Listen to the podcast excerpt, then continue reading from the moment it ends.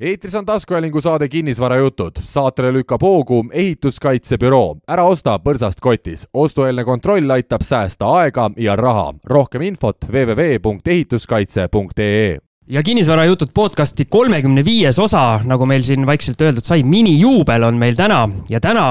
on selline veidi teistsugune saade, et andke kuulajad mulle nüüd vaimujõudu, sest mina olen hoopis teisel pool lauda kui Algis Liblik, kes minu kaassaatejuht on, pluss siis meie tänane külaline. ehk siis me räägime maakleritest ja on meil külas lisaks tippmaakler Algis Liblikule, kes on tavaliselt saatejuht on meil külaliseks Uusmaa kinnisvarabüroost Plussi kontorist Martin Vendla. tere, Martin! tervist, tervist, tänan kutsumast! jah, ütleme nii, et kolmkümmend viis osa algis oleme seda saadet teinud ja oleme libamisi tegelikult maakleritest ja maakleri tööst rääkinud. oled äh, sinagi omajagu puid alla saanud. minu meelest iga episood käib midagi läbi nüüd on siis, nüüd on siis see hetk, kus äh, algis saab äh, nii-öelda ennast kaitsta ka natukene ja ta on endale abiliseks siis Martini kõrvale võtnud ja mina olen siis rohkem küsija rollis ja teie saate mõlemad mehed siis arutada maakleri tööst, tegemistest, vastata ka meie kuulajate ja lugejate küsimustele, mida ka omajagu tuli.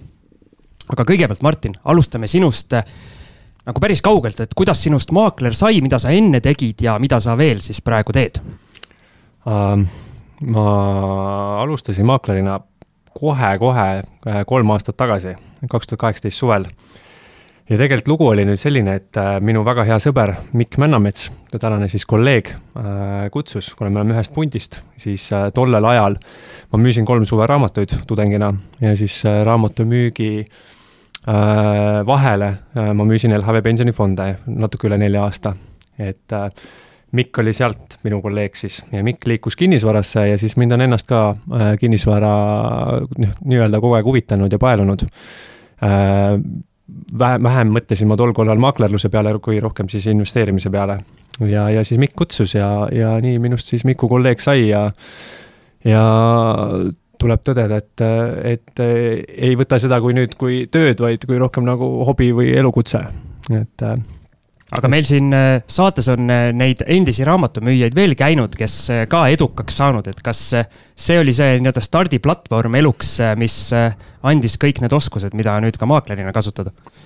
no ikka ja, ja et äh, raamatuid müües siis äh, sa ju tegelikult üks asi on see teenistus, mida nad seal promovad, on ju, et lähed, näed maailma, näed Ameerikat, teenid raha. aga teine asi on see, et tegelikult need oskused või, või asjad, mida sa oma elus kaasa võtad ja mida sa saad rakendada ka viie, kümne, viieteist, kahekümne aasta pärast. et see on nagu, ma ütleks, et raamatumüük on äh, mitte, et promoda siin hullult raamatu müümist aga raamatumüük on kindlasti väga hea vundament, mida iganes sa edasi teed. sa ei pea tegelema müügivaldkonnas, sa võid olla kuskil mujal raamatupidaja, ehitaja, aga kui sa neid samu asju rakendad, siis sa saad selles ka edukaks ja ütlesid, et äh, oled ka investor. kui suur su portfell on, millesse sa nii-öelda kinnisvara valdkonnas kõige enam investeerinud oled? ma selles osas jah, ikkagi maaklerluse kõrvalt ikka investeerin, et äh, mul on, ma ütlen, ütleme nii, et ma olen suhteliselt kaelane kinnisvaras sees praegu, et äh, aktsiates vähem, vahepeal ma teen Balti börsil niisuguseid spekulatiivseid oste äh, Funderbeamis, et ma ikkagi jälgin idusektorit ka, kuna mul seal idusektorites on ka sõpru, kes, äh, kes seda, kes seal toimetavad ja kellesse mul usku on. aga äh, uusarenduste võlaõiguslikud lepingud äh,, flip imine äh,, ma täna üüriportfellis sees ei ole,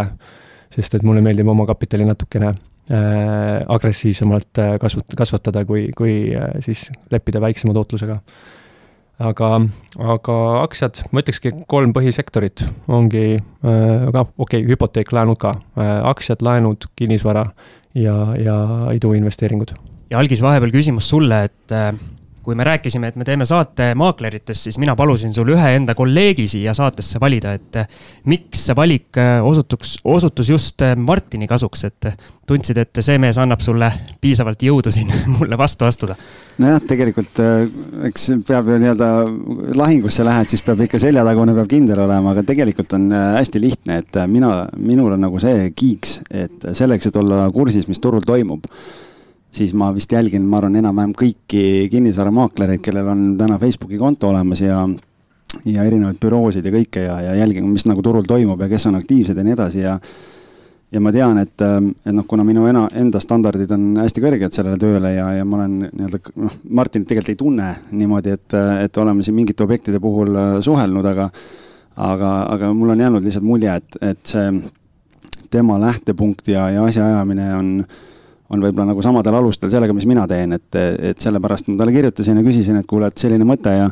ja kas sa oled nõus tulema ja, ja noh, täna me siin oleme, nii et. aga küsimus teile mõlemale, et Martin, alusta sina, et kui palju maaklerite vahel on sellist eh, nii-öelda kollektiivsust eh, näiteks erinevate büroode maaklerite vahel, et kas tehakse koostööd või ollakse iga mees niimoodi, käiakse rusikas taskus ja ollakse ikkagi enda eest nii väljas, et ollakse valmis kasvõi konkurendilt mingi objekti üle lööma, kui vajadus selleks on no ma ütleks, et tegelikult on ikkagi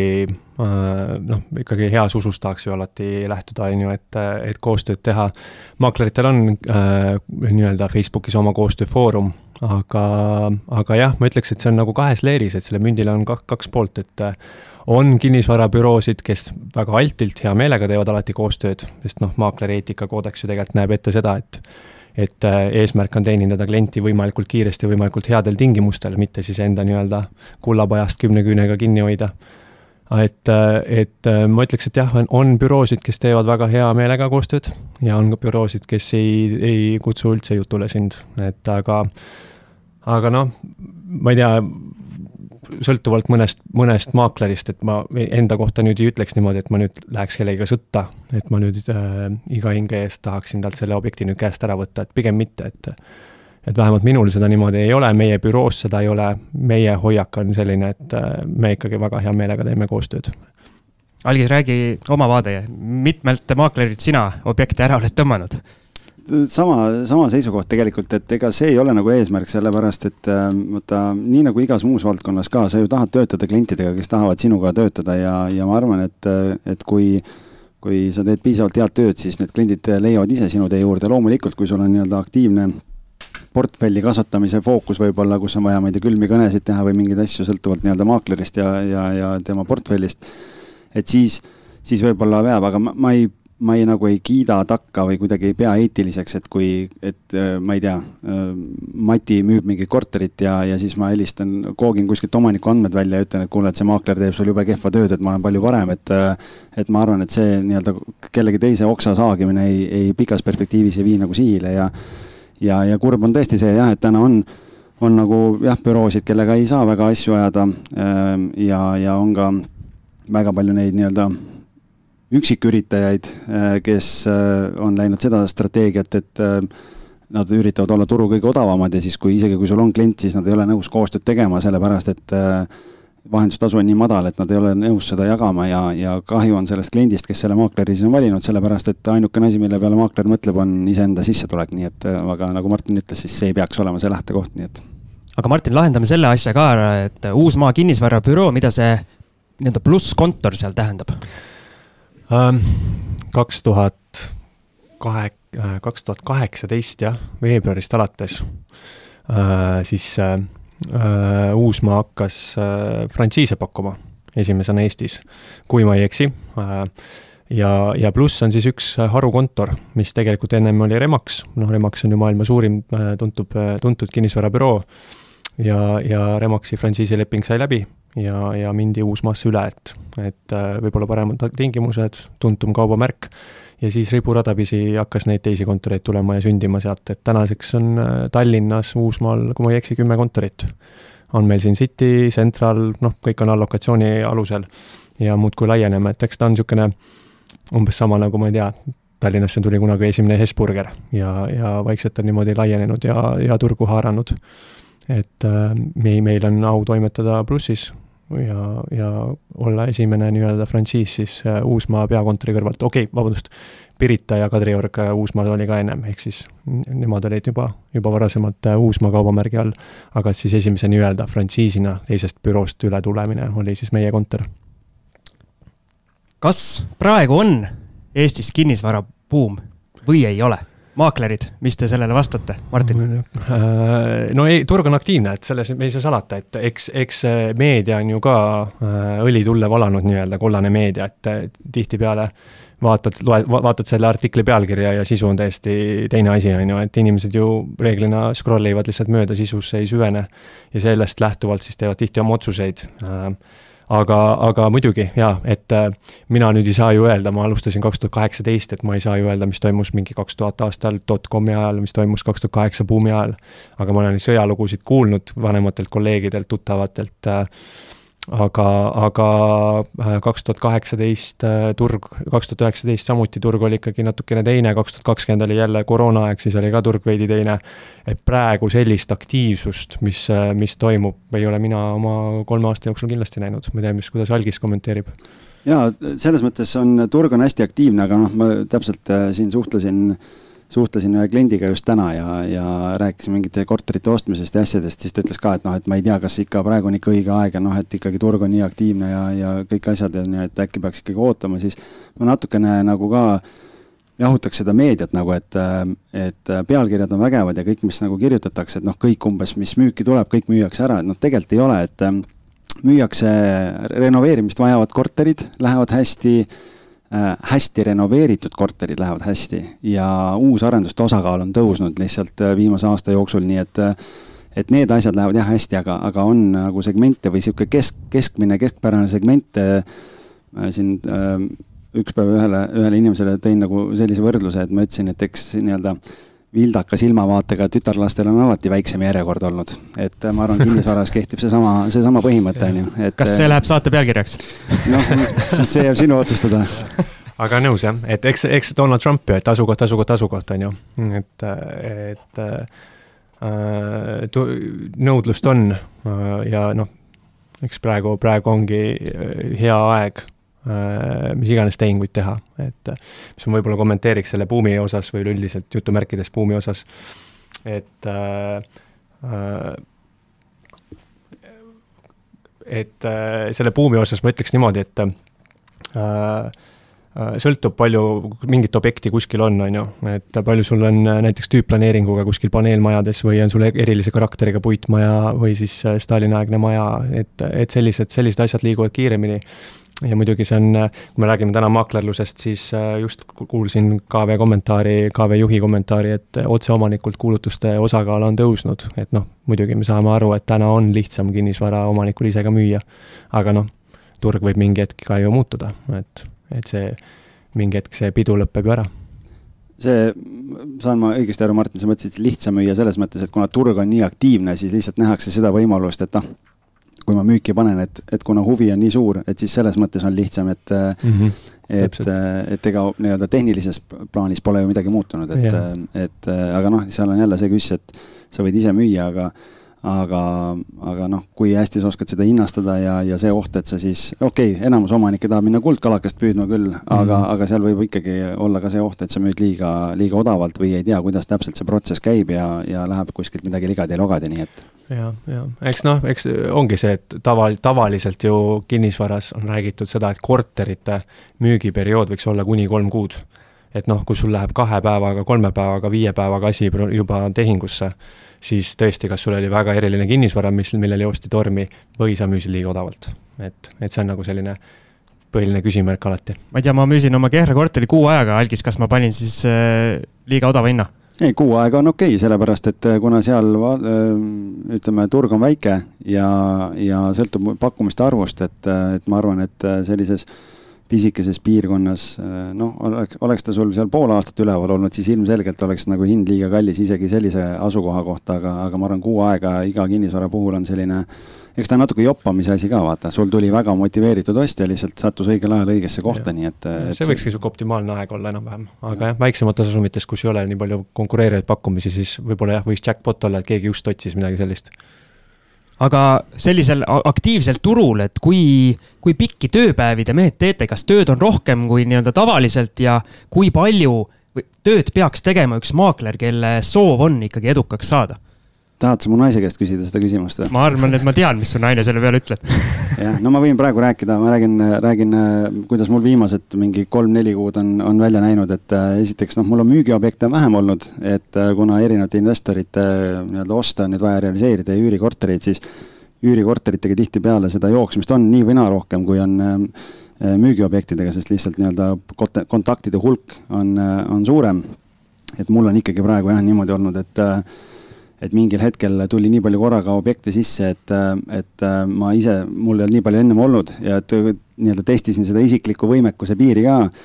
ja mul ikkagi mingi aeg oli niimoodi, et hommikul panid üheksast ju minema, viisid lapse kooli. siis vahepeal seal õhtul kolm-neli tundi oli, oli pereaega ja siis panid õhtul üheksast üheni veel arvuti taga ka, nii et niisugused kaheteist, kolmeteist, neljateist tunnised tööpäevad, mõnikord said kell kaks öösel magama, sest päeval ei ole aega emailide ja asjadega tegeleda ja siis see tuleb võtta. nii et kahjuks jah, vahepeal tuli nii-öelda abikaasa arvelt võtta seda aega, õnneks nüüd on päris palju portfellist ära realiseeritud, et natukene saab rahulikumalt võtta, nii et on, on paremaks läinud. Martin jaa äh,. jäid kohe mõtlikuks ma täitsa kuulsin, et, et endal on ju samamoodi, et ma ütleks niimoodi ka, et maakleriamet on ju kakskümmend neli seitse, seda on alati kõik rääkinud, et äh, maakler ei ole selline, et noh, kell viis pastakas kukub ja tulgu või veeuputus on ju, mind ei huvita. et äh, raske on see, et kuidas sa nagu mõõdad seda maakleriametit, äh, okei okay,, kas ma lähen nüüd hommikul kell kaheksa tööle ja tulen kell viis õhtul koju, et nüüd loen oma töö, töötunnid kokku, on ju, ei ole. et täpselt sama, mis Algis ütles, selle peale ma mõtlema jäingi. et mul on samamoodi, et tuled võib-olla kell kaheksa kuskilt äh, kliendipäevalt koju või mingit viimastelt näitamist, et praegu on ju suvine periood, et praegu saab ka kell kümme või või pool üksteist veel lõpetada, on ju, et ma olen näidanud ka pühapäeva õhtul kell kümme korterit, et noh, see ongi, tuleb kliendile vastu ja kui omanikule ka sobib aga, aga siis ongi see, et sa tuled koju, teed omi asju ja ikka noh, võib-olla see on vale habit või see harjumus on ju endale sisse kujunenud,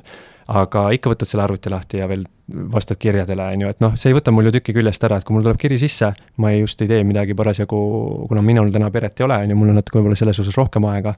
siis äh, mul, noh, minu jaoks ei ole kunagi olnud see, et noh, nädalavahetus ja ei huvita, on ju, vaid, vaid ongi see, et noh, ma vastan kogu aeg jooksvalt ja see ongi see, mida tegelikult ma näen, mida inimesed hindavad maaklerite puhul, sest ma, sest ma tean, et tihtipeale räägitakse seda, et aga neid ei saa ju kunagi kätte, on ju, nad ei vasta ju kunagi. sellest me veel räägime täna. sinna me veel jõuame, on ju, jah. aga ongi see, et, et maaklerina sa saad ju olla kogu aeg kättesaadav ja sa saad oma elu ja graafikut ju planeerida, et kui sul on vaja, kui sa ei taha nagu, ma ei tea, reede õhtul kell viis, viiest alates enam äh, näidata, näitama minna, et siis sa saad ju oma kalendrit täpselt selle järgi vastavalt planeerida. Jah, no mul ongi, challenge on selle võrra suurem, et kuna on kolm last, et siis lihtsalt on see, et äh,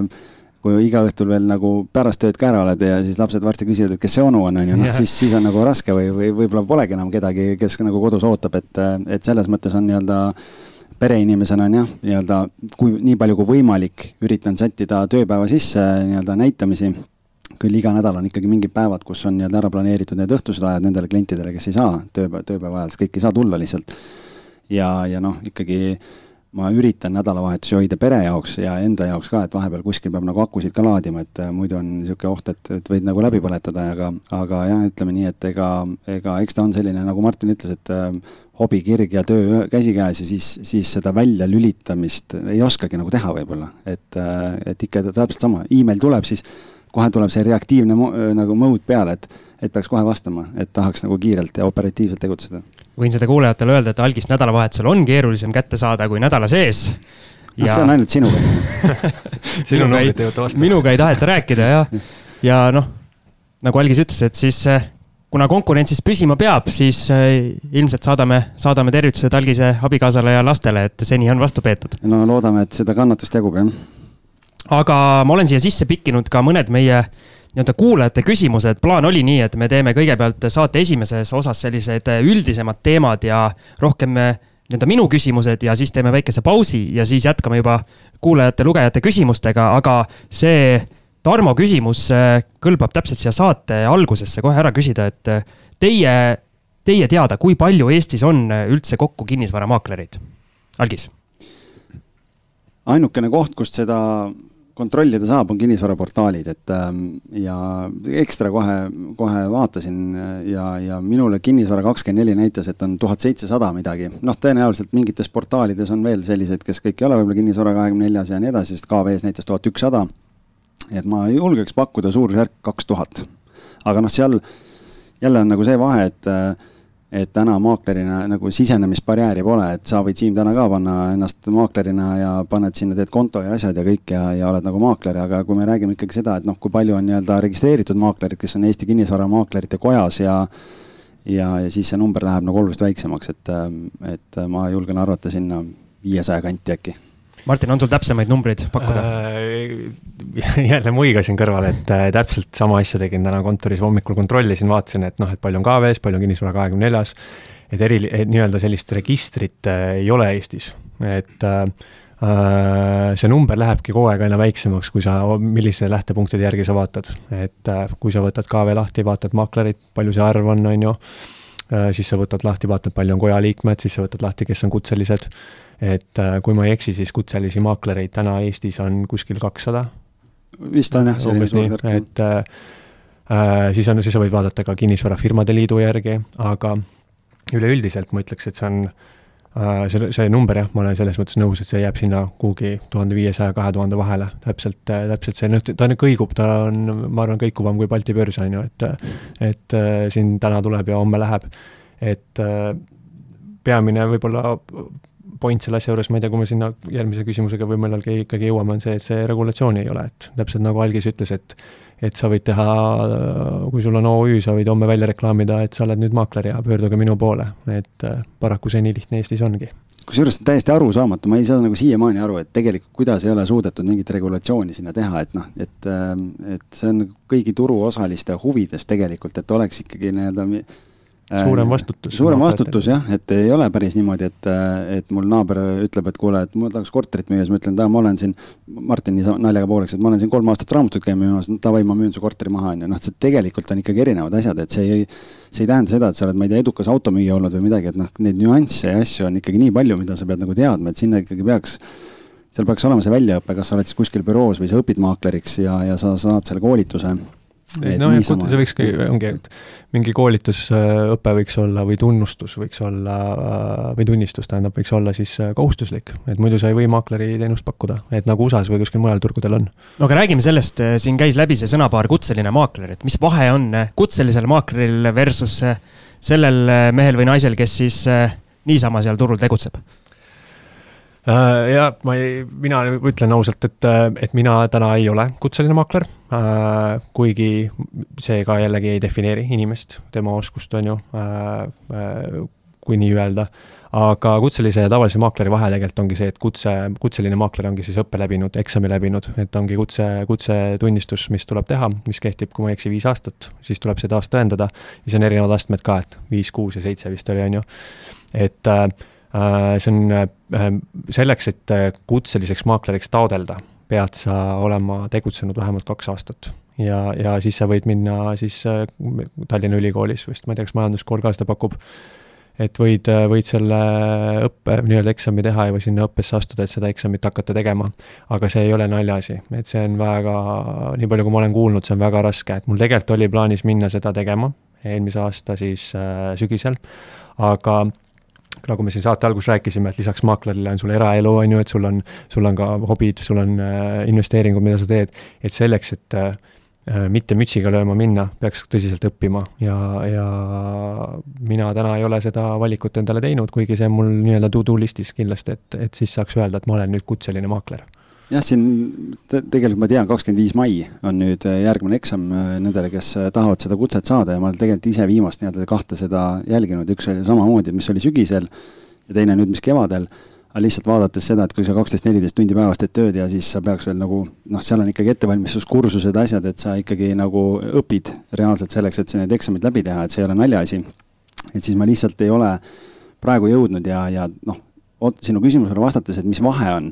siis ega täna turul tegelikult. ei no mu mõte ongi nagu, kas see annab turul mingi eelise? turul ei anna eelist, sest äh, ikkagi see on inimeste, inimeste business on ju, et mm, -hmm. et sa ikkagi valid ju endale maakleri mingite nii-öelda kas sümpaatia või te, mingi teadmiste või soovituste või, või mingi kogemuse baasil.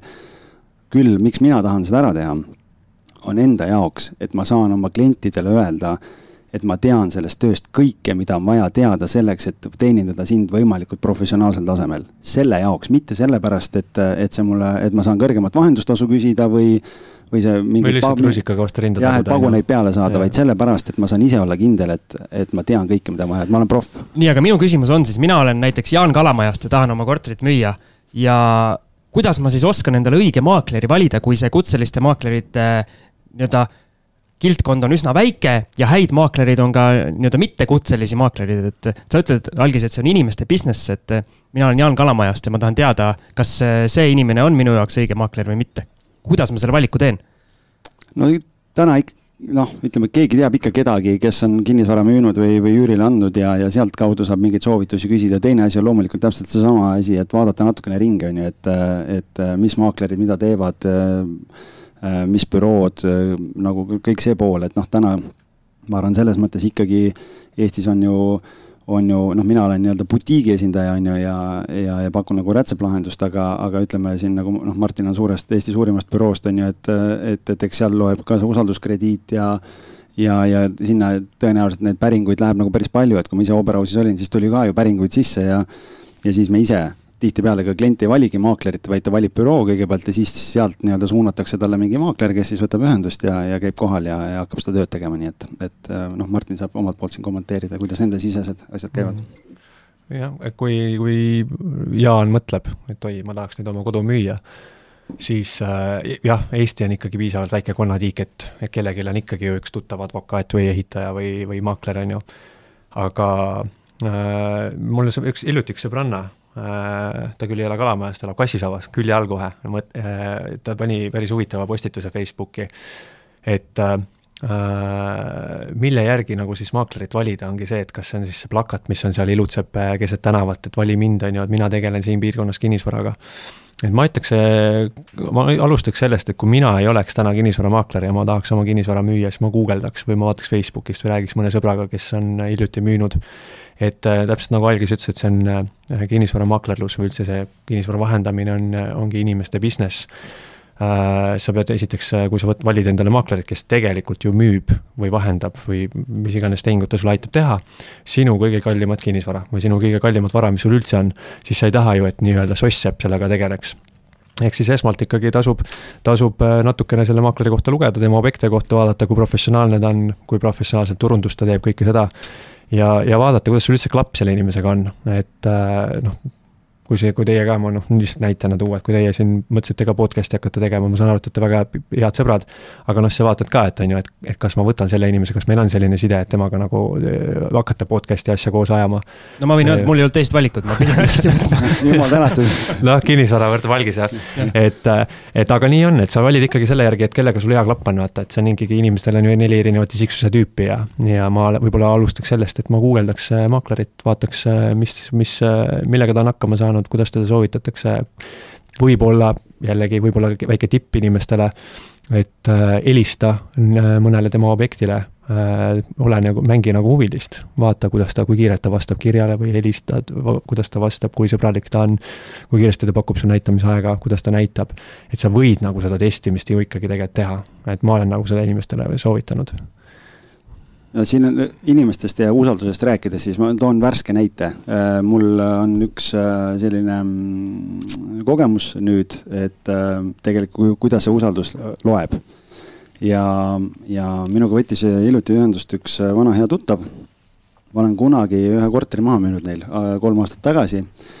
ja, ja noh, kuidagi see, see protsess ise meelest läinud, sellepärast et noh, nii palju tööd on vahepeal olnud ja, ja kõik need asjad ja, ja võtsin nüüd äh, nüüd nad müüvad oma järgmist elukohta. ja juhtus see, et äh, äh, minuga võttis ühendust naispool ja mul nagu hästi hea läbisaamine temaga ja kuidagi eelmine kord ka kogu see asjaajamine käis tema kaudu. aga nüüd on see, et äh, äh, ma tegin analüüsid ära, kõik asjad, kõik sobis, tegime pildid ära, panin kuulutused ülesse äh,. mees oli ka ühel kohal, korral kohal ja tundus, et tekkis nagu temaga ka hea kontakt aga kaks päeva hiljem tuleb mulle meil äh,, meil. ja ma näen, et mees on rahulolematu ja kuidagi nagu kärsitu või, või sihuke äh, mingi meeleheide nagu. et kuigi ma ütlesin, et noh, et kuni kolm kuud pead arvestama, et äh, võtab aega, et kui on kiiremini vaja, siis, siis muudame strateegiat ja, ja lepime kokku. ja siis äh, see päädis lõpuks sellega, et ähm, äh, ma panin äh, kümme tuhat üle turuhinna, panin korteri müüki. Leppisime kokku, et noh, hakkame samm-sammult tulema, katsetame turgu. ja siis äh, äh, järsku tal hakkas kiire äh, selgus, et kuna mehel on nüüd rohkem aega, siis seekord tegeleb mees. aga minul mehega varasemat rapoori midagi sihukest äh, kontakti nagu väga ei olnud ja naine on hästi hõivatud praegu, temal ei ole aega tegeleda. ja siis leppisime kokku, et okei okay,, noh, paneme siis turuhinnaga, kuna on, olukord on muutunud ja on kiire siis ta vahepeal oli võtnud mingilt teiselt maaklerilt äh, arvamuse juurde. Teine maakler muidugi noh, nagu enne rääkisime, et tema oli minu oksa saaginud äh, täiega. ja kuna mul oli varasem kontakt olemas, siis ma esimese asjana ei saatnud kohe maakler lepingut välja, et noh, et äh, teeme ära, sest ma mõtlesin, et noh, et, et teeme jooksvalt, et panen kõigepealt kuulutused, asjad ülesse, et noh, et sellega on nagu, see on nagu esimene prioriteet ja siis teeme selle paberimajanduse korda. ja siis äh, mees kirjutab mulle viie päeva pärast, et talle meeldib nagu selle teise maakleri lähenemine rohkem ja ta on otsustanud äh, koostöö lõpetada, on ju. noh, ja siis arutasime neid asju ja uurisin, noh, et mis, milles siis nagu probleem ja kõik need asjad. tegelikult ega sealt midagi välja ei tulnudki, aga lihtsalt oli näha seda, et äh, ma ei suutnud temas tekitada piisavalt usaldust ja tema lihtsalt, äh, talle mingi teine maakler meeldis rohkem. ja ma ütlesin, et okei okay,, et noh, et lihtsalt siis kulud on vaja ära katta, mis on ja, ja saime nagu selle poole nagu ilusasti lahendatud, aga, aga see on nagu hea näide sellest, et, et tegelikult ikkagi kui seda usaldust ei teki, noh, ja, ja, ja ma olen ka alati seda meelt olnud, et ma ei taha minna kuidagi nagu nugade peale või niimoodi, et vaata, kui klient ei taha sinuga koostööd teha, noh, mida sa siis võimled seal, et noh, see on nagu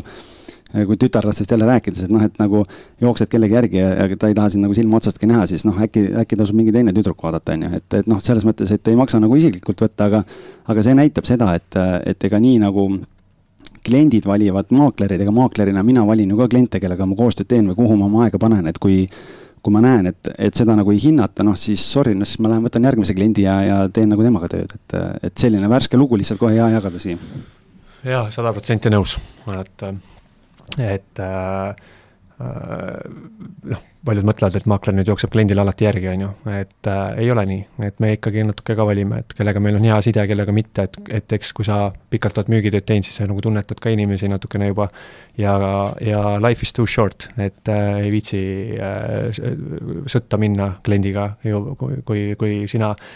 kui sina pakud lahendusi ja, ja oled, oled justkui professionaal ja turutundja ja sulle töötatakse nagu vastu, et, et siis noh, kui sa oled hea maakler, et siis siis sa, selles osas inimesed jõuavad ikkagi sinuni läbi soovituste, et, et see kümne küünega igast objektist kinni ei pea hoidma. ja mis puudutab seda oksa saagimist, mis Olgis mainis, siis selliseid sõjalugusid kuuleb kogu aeg lihtsalt, et mis ongi kurb tegelikult. et selleks, et objekt müüki saada, et ära napsata teiselt maaklerilt objekt, siis sa hakkad lubama maa ja ilma kokku, et, äh, et oi, näed, et mina müün ikkagi palju kõrgema hinnaga ja küsin vähem vahendust ja ja noh, eks see on see oks ise, mille, mille otsast sa saed, et mina ütleks, paneks võib-olla omanikele äh, sellise mõtte idanema pähe, et et kui maakleri koostöö algab sellega, et teine, et üks maakler mustab teist maaklerit, et kas see on nagu väga hea koostöö algus, et esindaja, keda sa endale tahad, et kas ta siis äkki hakkab mustama kliente või mis iganes äh, Äh, inimesi sinu kuuldes veel, et pigem mitte, et, et äh, tuleb ikkagi väärikaks jääda. ja, ja just, mis puudutab seda hinda, et siis noh, see ongi, sul ongi tegelikult kaks strateegiat, kuidas sa saad äh, teiselt maaklerilt ju objekti nii-öelda üle lüüa, ongi see, et sa lubad kokku hinna, mis on noh, või kohati võib tunduda utoopia, on ju, aga omanikule ju, ma saan omanikest aru, ma ise ka kinnisvaraomanik, et keegi lubab mulle rohkem, et siis jumala eest nagu go for it. aga, aga siis tahakski teada, et millele sinu hinna, hinnaarvamus ka baseerub, kas lihtsalt sellele, et mis on sinu arvamus või mis on turg? algis siin tõstis näpu püsti, aga ma ei. ma lihtsalt tahtsin siia veel, huvitav on see, et Martin tõi välja, vaata, et noh, keegi teine lubab äh, nagu rohkem või midagi, et tegelikult müügi kuldreegel on ju see, et under promise over deliver, et kui sa nagu vastupidi lähed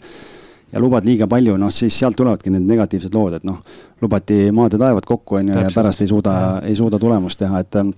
selle objektiga läks küll nüüd niipidi, et äh, see läks hoopis kümme tuhat alla turuhinna müüki. omanik tegi veel kuulutuse tekstid ja asjad ka sinna juurde, nii et noh, see nüüd mul on kahju, et see nii läks, kliendi vaatest just, et see kahju läks, et äh, aga noh. sellest sünnibki Delfi kommentaator, kes ütleb, et kõik maklerid on mõttetud ajaraiskajad, vahelülid. just, tahtsin sama, samani jõuda, et ilmselt sellised olukorrad teie seda tööd keerulisemaks teevad, aga lähme nüüd nii-öelda raha juurde, mis on ka suured nii-öelda linnalegendid käivad ringi, kui palju tegelikult äh, maaklerid seal rahas suplevad ja kui palju nad äh, sealt vahelt võtavad, mehed, kui suur on maaklerite vahendustasu? Algis, muheled siin see sõltub objektist ja. ei hakka ümmargust juttu rääkima. selle kohta öeldakse, et äh, vahendustasu, me elame demokraatlikus riigis ja vahendustasu on sada protsenti läbiräägitav. jah, väga hea vastus, et tegelikult äh, sõltub objektist ja sõltub äh, maaklerist ka, et kui palju maakler oma aega ja oma teadmisi väärtustab, et, ähm, et see võib varieeruda seal ühest kuni viie protsendini tegelikult isegi valdavalt, et valdavalt ma arvan, turu keskmine on sihuke kaks kuni kolm, äh, mingite kallimate, suuremate tehingute puhul on ta, on ta väiksem aga, aga noh, ütleme nii, et see, jälle sõltub jah, et, et kahjuks on täna piisavalt palju maaklereid turul, kes oma aega ja teadmisi ei väärtusta ja nagu Martin ka siin juba enne välja tõime, et noh, pakuvad viissada või, või tuhat eurot, on ju, ja siis istuvad selle objekti otsas ja seal polegi nagu midagi jagada, et kui kulud maha võtad, siis, siis nagu näppude vahele ei jäägi, et et noh, minul on ta, minul on ta keskmiselt kaks kuni kolm protsenti ja kui on mõni selline keerulisem objekt, kus on hästi, ma tead, et läheb kauem, on hästi palju tööd, nii edasi, siis võib olla ka neli, pluss käibemaks siis. Mm. Martin jah, ja turu keskmine on jah, ma, ma üleüldiselt ma tean, mis on nagu Pärnutes ja Tartutes ka, on ju, et siis ma ütlekski, et jah, see on seal Eestis, Eestis on see seal ühe ja viie vahel Äh, aga, aga on jah, selliseid, äh, noh, vaat see vahendustasu on äh, selline pikem teema, mille üle siin nagu lahata, on ju, et kuidas see siis täpsemalt välja kujuneb. eks, eks mina ütlen selle kohta täpselt siis lihtsalt niimoodi, et vahendustasu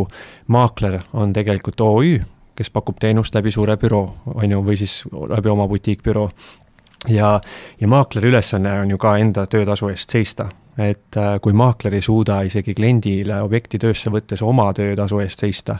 siis minul tekib küsimus, et kuidas selline maakler suudab siis kliendi hinna eest seista, kui tuleb huviline objekti vaatama, et lähtume ikkagi sellest ka.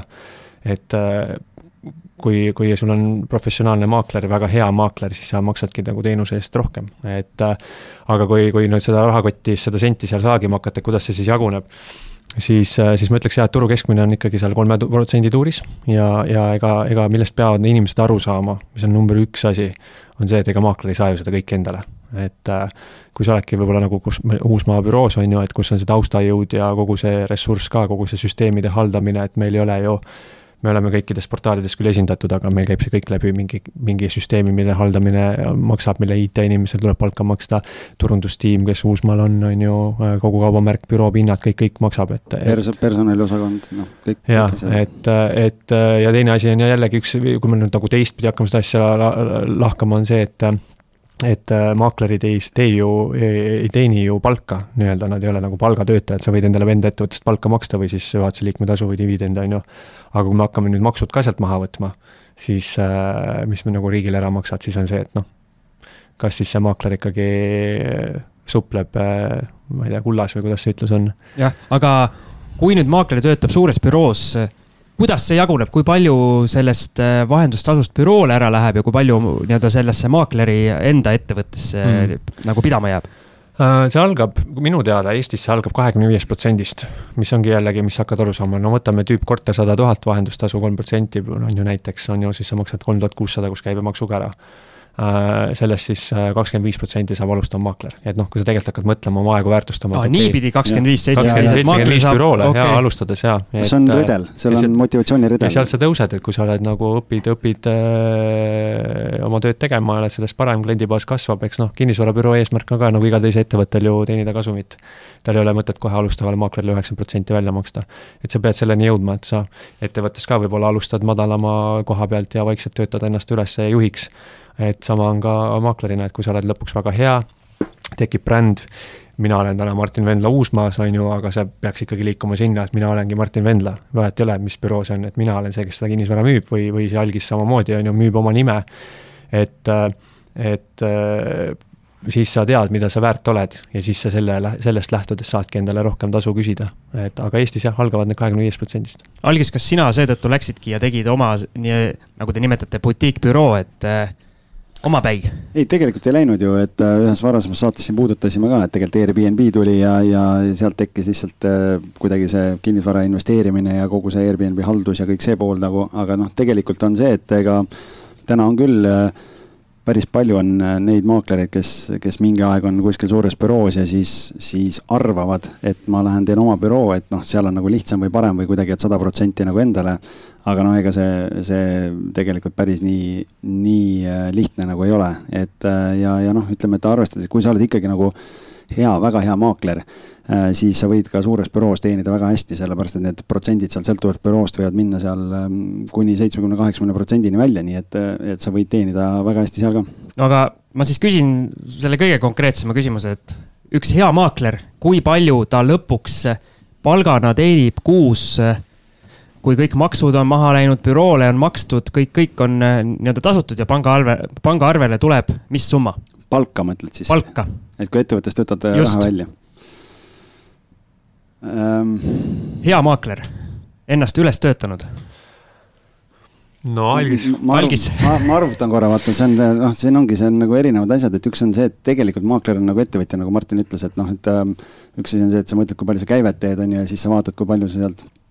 palka või dividende maksad ja, ja kui palju sa siis investeerid või mis sa nagu teed sellega, et äh, no ma ütlen ikkagi niimoodi, et äh, ma arvan, heaks maakleriks saab ennast pidada täna või, või nagu väga heaks äh, maakleriks see, kes teeb aastas kuuekohalise äh, käibenumbri, et äh, noh, alates sajast tuhandest siis ja kui me jagame selle kaheteist kuuga ära, saad ise aru, et noh, et see keskmine võiks olla seal kaheksa tuhat on ju. ega neid büroodes nüüd üleliia palju selliseid maaklereid ei ole, kes sellist tulemust suudavad teha, aga, aga kõikides büroodes tipud kindlasti teevad ja on neid, kes teevad palju, palju rohkem veel. et noh, kui sa võtad sealt on ju noh, et ma arvan, et Oberhausi aegadest, kui ma tagasi mõtlen, siis, siis ma arvan, et selline Ehm, hea maakler, kui sa võtad kaheksa tuhat, noh, kui sa maksad kõik maksud, kõik eh, noh, kaheksa tuhat, et käivet, aga võtad sealt, eh, ma ei tea, kuuskümmend, seitsekümmend protsenti saad endale. võib-olla viis tonni, viis tonni on ju, võtad sealt maksud, asjad maha, noh siis sa saad sihuke, ma ei tea, kolm tuhat eh, eurot, et aga ma arvan, et on neid, kes tegelikult teenivad palju rohkem ja ma ütlen, et ega tark maakler nagunii kõike seda palgana endale välja ei maksa, nii et pigem võib-olla sellesse numbrisse mitte nii kinni jäädagi, vaid ikkagi keskenduda sellele, et kui palju tippmaakler nii-öelda, kui suures hulgas ta seda kinnisvara vahendab, see on nagu olulisem kui see, kui palju ta lõpuks omale palka maksab. ei no see... inimestele on kõige olulisem äh, ikkagi see, palju teine inimene palka saab. täpselt, ma just tahtsin ka öelda, et Eesti inimesele ju meeldib äh, teise, raha, teise rahakotis sobrada, on ju. ja eriti hull lugu on siis, kui sellel teisel veel hästi läheb. ja, et ja aga, aga mis ma, ma olen nõus selles mõttes Algisega jah, et äh, et Eestis tippmaaklerid nagu, kes on tippude tipud, et, et muidugi sa teenid hästi, aga sul on ka suur vastutus ja, ja sa oled selle nimel kõvasti tööd teinud, et ega see ei ole ühe-kahe aasta töö, et sinna jõuda. sa oled võib-olla kümme-viisteist aastat äh, maakler olnud ja oma kliendibaasi üles ehitanud ja, ja inimesed hindavad seda ja, ja pöörduvad su poole. aga jah, tipud teenivad ikkagi kuuekohalisi numbreid ja ja mis on kõige lihtsam, noh, kõik on ju avalik info, inforegistrist võta lahti ja vaata, mis tal eelmise aasta käive oli ettevõttel, on ju. ja et noh, muidugi see ei ole alati sada protsenti tõene, sest et, et kui ta teeb ka investeeringuid või üürikinnisvara üürib välja sama ettevõtte kaudu või mida iganes, on ju, või flip ib või renoveerib või mida iganes, siis numbrid võid olla, võivad olla natuke moonutatud, aga ma ütleks, et niisugune keskmine keskmine üleüldiselt, turu keskmine on ikka seal kolmkümmend, nelikümmend on, on, võiks olla siis, kui me võtame kõik kokku kui sa oled nagu niisugune tavaline, äh, kellel ei ole nüüd nii-öelda kolmkümmend, nelikümmend tuhat käivet aastas, aastas siis oma, oma, oma ettevõttes. jah, no tegelikult jaga see läbi kaheteistkümne kuuga, on ju, ja võta sealt palgafondi ja siis noh, sama hästi Eesti majandusel läheb üleüldiselt hästi, et ma võiks minna ju tippjuhiks või mis iganes müügijuhiks kuhugi ettevõttesse ja enam-vähem samu numbreid teenida jah Aga..., lihtsalt vahe on selles, et ega ma, noh, maaklerina sinu eelis või, või vahe nii-öelda palgatöötajana ongi, ongi see, et noh, kui sa lähed maakleriks siis äh, sinu enda määrata on see, kui palju sa raha teenid, on ju, sa võid väga palju, sa võid fail ida ja tegelikult äh, kümme protsenti, ma arvan, on neid, kes reaalselt nagu ellu jäävad, ülejäänud üheksakümmend protsenti on sellised, nad tulevad proovima, arvavad, et jube lihtne on ja nagu kõik on easy money, tegelikult ei ole ja, ja siis ongi see kümme protsenti jääb pinnale. ja sealt kümnest protsendist siis järgmise viie aasta jooksul tõenäoliselt veel kuskil kümme protsenti on need, kes jäävad alles või teevad nagu väga-väga hästi. enamus on äh, mugavustsoonis, teenivad võib-olla Eesti keskmist või alla selle ja ja nii-öelda neid silmapaistvaid tegijaid tegelikult nagu igas valdkonnas ikkagi on niisugune viis kuni kümme protsenti. aga me natuke puudutasime seda teemat, Algis, sinu, sina rääkisid sellest, et palju objekte tuli siin korraga sul kätte, et mis see optimaalne arv on objekte, mis sul parasjagu käes võiks olla, et sa saaksid oma tööd hästi teha? tead, kui ma maaklereid koolitasin, siis, äh, siis ma ütlesin alati alustavale maaklerile seda, et sinu eesmärk peaks olema, et sul on nagu kümme-viisteist väga head objekti, et äh, sellist korralikku objekti ähm, hea asukohaga, korraliku lepinguga ja ja, ja noh, ma nüüd ise näen seda, et ma nägin ka siis, et need maaklerid, kellel oli, ma ei tea, viiskümmend pluss objekti, esiteks nad ei jõudnud kõikide nende asjadega tegeleda, järelikult see, et tal oli neid nii palju, tähendas seda, et enamus nendest seisid mingil põhjusel. kas oli äh, hind vale või olid mingid muud kriteeriumid. et ma ütlen nii, et noh, ma arvan, et äh, sõltuvalt objektidest jälle on ähm, sihuke, see, see valulävi võib minna sealt nii-öelda heal maakleril, võib ta olla ütle kaks korda suurem, et sul on nagu kogemust ja sa oskad nagu oma aega planeerida ja, ja tead neid asju et aga noh, mul oli ta vahepeal siin üle neljakümne ja ma ütlen ausalt, et no ma sain aru, et see on liiga palju, et äh, et sellega nagu üks inimene ei suuda ilma assistendita, on suhteliselt keeruline toime tulla, sa võid selle kõik ära teha, aga kvaliteet hakkab langema, aga, aga ma arvan, seda nagu professionaal äh, endale lubada ei taha. Martin, sama küsimus. jaa, nõus jälle, et äh, äh minu jaoks mõttes kogu aeg on sihuke viisteist kuni kakskümmend. et ma tõesti ütlen ausalt, ma ei saa aru, kuidas sa suudad oma portfelli hallata, kui sul on mingi seitsekümmend, kaheksakümmend, sada kuulutust. olete te kõrvalt näinud seda? ma, ma, ma olen, ma ei ole enda büroos, ma ei ole niimoodi otseselt näinud, sest meie teadlikult hoiamegi madalamalt ja, ja mis see põhjus ongi, ongi see, et me, me müüme need eest ära, et kui sul sada objekti on sees, siis kas sa müüd ka neid või lihtsalt kogud neid või? et äh, äh need sari, nii-öelda me kutsume, selle jaoks on oma termin, me kutsume neid sarikuulutajateks, et äh, lihtne näide, et kui sul on näiteks seitsekümmend maja portfellis, on ju, meil kõigil on täpselt sama palju aega iga päev äh,. kui sul on nii palju objekte portfellis ja ma helistan mõnele su objektile ja küsin, et mis selle no, maja äh, kulu, nii-öelda kõrvalkulud on või mis on, mis on selle maja vundament või mis soojustus sellel majal on, mis iganes asi, mida sina maaklerina peaksid teadma ja siis ainukene vastus igale küsimusele on see, et pane meili või ma ei tea, ma helistan teile tagasi või kirjutan teile, et noh, siis on see, et aga milleks mul sind vaja on, et see ei ole ju professionaalne. et äh, minu jaoks on ka see, et prof-, selle äh, portfelli optimaalsus võrdub sellest, et kui head teenust ma saan pakkuda, ma peaksin tegelikult omaniku esindajana teadma kõiki küsimusi. kui omanik on mulle selle info andnud ja, ja ka ehitusregister on ju avalik info, on ju aga kui sul on, mul on olnud ka portfellis seal kakskümmend pluss objekti ja see on täiesti hullumaja, et see läheb ikka liiga crazy'ks ära mina isiklikult seda ei taha ja ma võtangi selle teadlikult, et minu eesmärk ei ole objekte portfelli koguda. ja mis ma jälle omanikele ütlen, kes mõtlevad maaklerit valida, siis ära tee seda viga, et äh, ära vali endale maaklerit selle järgi, palju tal on objekti, objekte portfellis. sest tihti inimesed võtavad, panevad selle paralleeli, et kui tal on seitsekümmend objekti, järelikult ta on väga hea maakler, et inimesed pöörduvad tema poole et vaata ikkagi selle resümee põhjal, et, et väga head, kes tahavadki pakkuda kõige paremat teenust, ei, ei võtagi endale väga palju asju sisse. ja, või teine asi on see, et nad lihtsalt realiseerivad need ära, et see number ei jõuagi nii kõrgele minna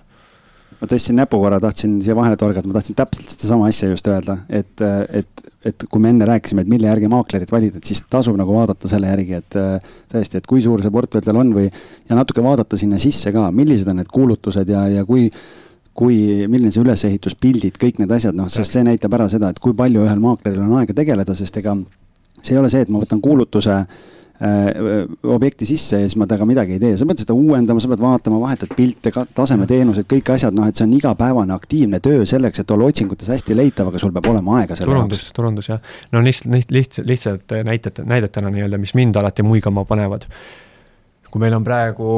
mai lõpp, on ju, ja kellelgi on, kellelgi on kuulutuses talvepildid noh, minu jaoks esimene küsimus on see, et see objekt on ülehinnatud ja see on vähemalt pool aastat turul olnud juba, et mis sellel asjal viga on, et ta nii kaua sees on. kusjuures mina investorina vaatan neid pilte ja mõtlen, ohoh, see võib olla minu võimalus. täpselt ja no ongi vaata, et sina maaklerina ei tohi tegelikult sihukese reha otsa astuda. omaniku kõige hullem asi, mis saab, on see, et, et sul on näiteks, ma ei tea, et sa müüd, oletame, sa müüd viiesaja tuhandest maja, noh, kallis maja Eesti mõistes. ja omanik võtab kuulutuse lahti või omaniku mingi sugulane või laps või kes iganes ja vaatab, mis asja maakleril on mingi avapilt, on talvepilt siiamaani, et sa ei ole, sa küsid sellist vahendustasu, sa ei ole isegi suutnud äh, organiseerida uued pildid, et äh, või, äh, või siis droonipildid või mis iganes, on ju. ja teine veel hullem asi on see, et kui sul on kliendipäev äh, ja kliendipäeva toimumisest on möödas nädal aega ja sa ei ole reklaamteksti ära muutnud et äh, oi-oi, kui palju on neid kuulutusi, oi-oi. täna meil on kahe äh,, täna vist on kaheksateist, üheksateist või? üheksateist on, on ju, kui sul on näiteks ku, portaalis kuulutus, et äh, kümnes mai kliendipäev, on ju, noh, sa oled maaklerina ei ole üheksa päevaga suutnud seda pealkirja ära muuta, et see võib olla see time management äh, ei ole, või ei ole sul kõige, kõige parem või sa lihtsalt oled laisk. Me oleme siin nii-öelda rääkinud, et on maaklerite suhtes selliseid linnalegende ja selliseid eksiarvamusi, aga on teil äh, nii-öelda klientidele tulnud ennast nii-öelda õigustada ka kuidagi, et klient tulebki sellise suhtumisega, et ükskõik, mis maakleri ma võtan, et see on igal juhul jobu, et kas te olete pidanud nagu sellist mingi eriti selline drastiline lugu nagu rääkida? Kui ma alustasin, siis äh, mul on kuidagi selles mõttes nagu, ma ütlen ausalt äh,, hästi läinud, et ma ei ole niimoodi pidanud külmasid kõnesid tegema. eks külm kõne on see, et me helistame tavakasutajatele, kes ise müüvad, pakume siis oma abi, on ju. ma ei ole seda pidanud väga tegema, aga alguses ma vist, ma olen ka oma karjääri jooksul kokku äkki kolmkümmend neli külma kõne teinud, ma kuidagi nagu, ma ei tea, miks need numbrid alati meelde jäävad, sellised. Ja, ja siis selline omamoodi termin on, et mida meie kutsume, on bikiinivoor et kui omanik kutsub äh, kõik maaklerid äh, objektiga tutvuma, et noh, näha, et milline, mis büroos, mis maakler on, mis ta vahendustasu pakub, mis ta objekti turuväärtuseks ütleb ja siis me kutsume seda bikiinivooruks. et kõik on korraga seal ees või äh,? on ka ol olukordi olnud, kus äh, mina ei ole isegi sellises, sellises asjas osalenud, aga olen kuulnud, et kutsutakse kõik viis maaklerit kokku ja kõik hakkavad nüüd üksteist üle trumpama, on ju. see võib no. päris huvitav ko-. ma kuulen esimest korda, väga huvitav kuulda no,. sind ei ole bikiinivoor. et mind ei ole sinna. mul on liiga suured puusad. sa oled liiga vana ka ju jah, pikk sihvakas mees, peaks nagu kutsuma, on ju, aga. no algis on ikka, vaadake passi. aga, aga tõesti jah, ma ei tea, mis, kuidas, kuidas algis kommenteerib ta pole bikiinivoorul käinud. tead, selles suhtes, et noh, olles ise maaklerid koolitanud ja need erinevaid nii-öelda vastuargumente ja kõike, millega me nagu töötasime selleks, et lihvida neid kõnesid ja seda, kui sa lähed kliendiga kohtuma, mis on need küsimused, mida vastata, kuidas vastata, kõik need asjad, et äh, tegelikult mul endal äh, Äh, eks ikka on, noh, praegu see värske kogemuski tegelikult näitab ju, näitab ju seda, et, äh, et äh, noh, seal ei olnud küll küsimus selles, et kas nagu maaklerit võtta või mitte, aga, aga eks on tulnud, eri, tead, nagu võõraste inimestega nagu vähem. oma sõprade ja tuttavatega, see on nagu alati nii, et kunagi ma tegin võrkturundust, on ju, siis oli see, et noh, no võõrastega said normaalselt rääkida, sõbrad-tuttavad arvasid, et sa oled nagu hull, on ju. ja, ja, ja osad sõbrad ka, kes on nagu võtnud selle selle mentaliteedi kuidagi, et äh, noh, algis või noh, enam nüüd küll pole olnud kunagi, et noh, mine tööle, on ju, noh, mis, mis kuradi maakler on ju, et liigkasuvõtjad olete, et äh, viimasel ajal nagu väga ei ole, mulle tundub, et seda mentaliteeti on nagu vähemaks jäänud. ja, ja ma arvan, et see on umbes sama nagu kunagi öeldi, et kui sa oled ettevõtja, siis sa oled ärikas. et järelikult sa oled kuskil libedal teel, on ju, et hallis alas. Viru ärikas. aga, aga jaa, et, et äh, ma ütleks oma klientide poole pealt, et kui noh, kui sa ikkagi minu poole pöördud, noh näitena on ju, et siis äh, järelikult mingi huvi sul on ikkagi olemas, et äh, miks sa muidu siis minu poole äh, kas helistad või kirjutad. aga mida ma olen märganud, täheldanud ikka oma karjääri jooksul, on see, et mulle tulevad huvilised objektile sellise ülbe hoiakuga et kas siis üüri, üüri puhul, et või, või siis müügi puhul on ju, et nad noh, sa tajud seda, et sa näed, et see klient on selline ründav ja, ja aga noh, päeva lõpuks eesmärk on jääda ikkagi viisakaks ja mitte sellega pulliga kaasa minna, aga ikkagi seda, seda on, et ma ei tea, noh, lihtsalt näitena tuua, et ma ei lähe ühegi advokaadi või arsti juurde ülbe hoiakuga, on ju, et, et äh, sa ei saa, kui sul on endal olnud negatiivne kogemus, mida sa oled kuulnud midagi halba, et sa ei saa nagu seda üle kanda, et kõik on nüüd, kõik selle ala esindajad on sellised. ma arvan, on inimesi, kes lähevad arstide juurde väga ülbe hoiakuga ja ise diagnoose panema ja, ja sellele lihtsalt kinnitust saama, aga see on, see on hoopis teine jutt. aga ma arvan, et siin on ka see, et me võib-olla Martiniga ei olegi kõige õigemad inimesed vastama, sellepärast et kuna me oleme mõlemad mitmed aastad juba olnud ja meil on endal tekkinud selline püsiv kliendibaas ja, ja nimi on mingil määral juba tuntud, et siis lihtsalt kuna noh, mina ka külmikõnesid pole ammu teinud et siis äh, lihtsalt ei ole väga olnud vaja nendel teemadel nagu diskuteerida. jah, täpselt, aga, aga eks ikka oskame, oskame öelda, et kuna kuna ju selle müügivaldkonnas tegutsenud ja, ja, ja ka raamatumüügis ka pidid ju küll nii-öelda külmasi kõnesid tegema, et värvata inimesi, et. ma sain eile ühe väga pahase kirja. et just oligi see, et ähm, eile andsin ühe üürikorteri üle ja, ja ähm, klient kirjutab, ütleb, et tahaks seda korterit vaatama tulla. et olid mingid küsimused, asjad ja siis ma vastasin, et äh, ma tavaliselt vastan niimoodi, et, et aitäh, et ühendust võtsite, et äh, oleme sellele korterile üürniku leidnud, et äh, lepingu allkirjastamine on praegu pooleli või noh, et äh, et üleandmine on, ma ei tea, homme, et siis võtan kuulutuse maha. aga mul oli hästi, jooksin ühelt kohtumiselt teisele, kiiresti telefoniga vastasin ära lihtsalt, et oleme objektil üürniku leidnud ja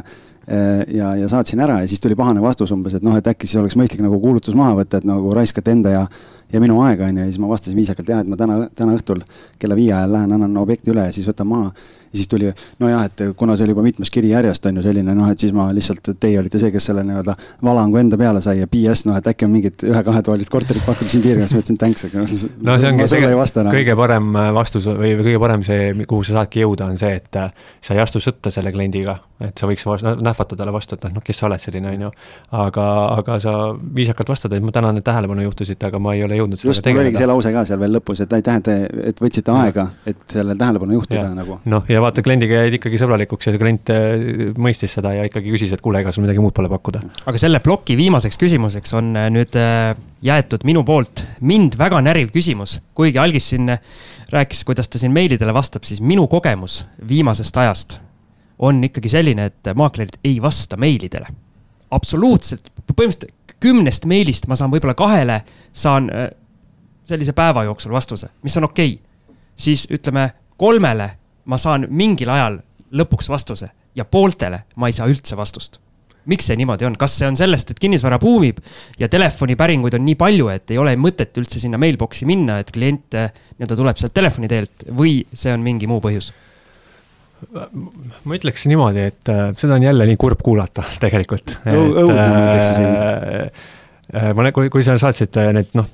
et lihtsalt, et ma sain natukene tutvuda, et mis küsimustele ma siis täna vastan ja siis ma nägin seda, seda küsimust ja siis mõtlesin, no issand jumal, et, äh, see on jälle ehtne näide sellest, et tuleks reguleerida turgu natukene rohkem, et kuidas sa ei suuda päeva jooksul meilile vastata, et noh, sul ei ole, vaata, kõik ütlevad ju seda, et mul on nii kiire kogu aeg, maaklerid ka oi-oi-oi, mul on nii kiire, ma ei jõua mitte midagi teha. aga minu küsimus on see, et kui sa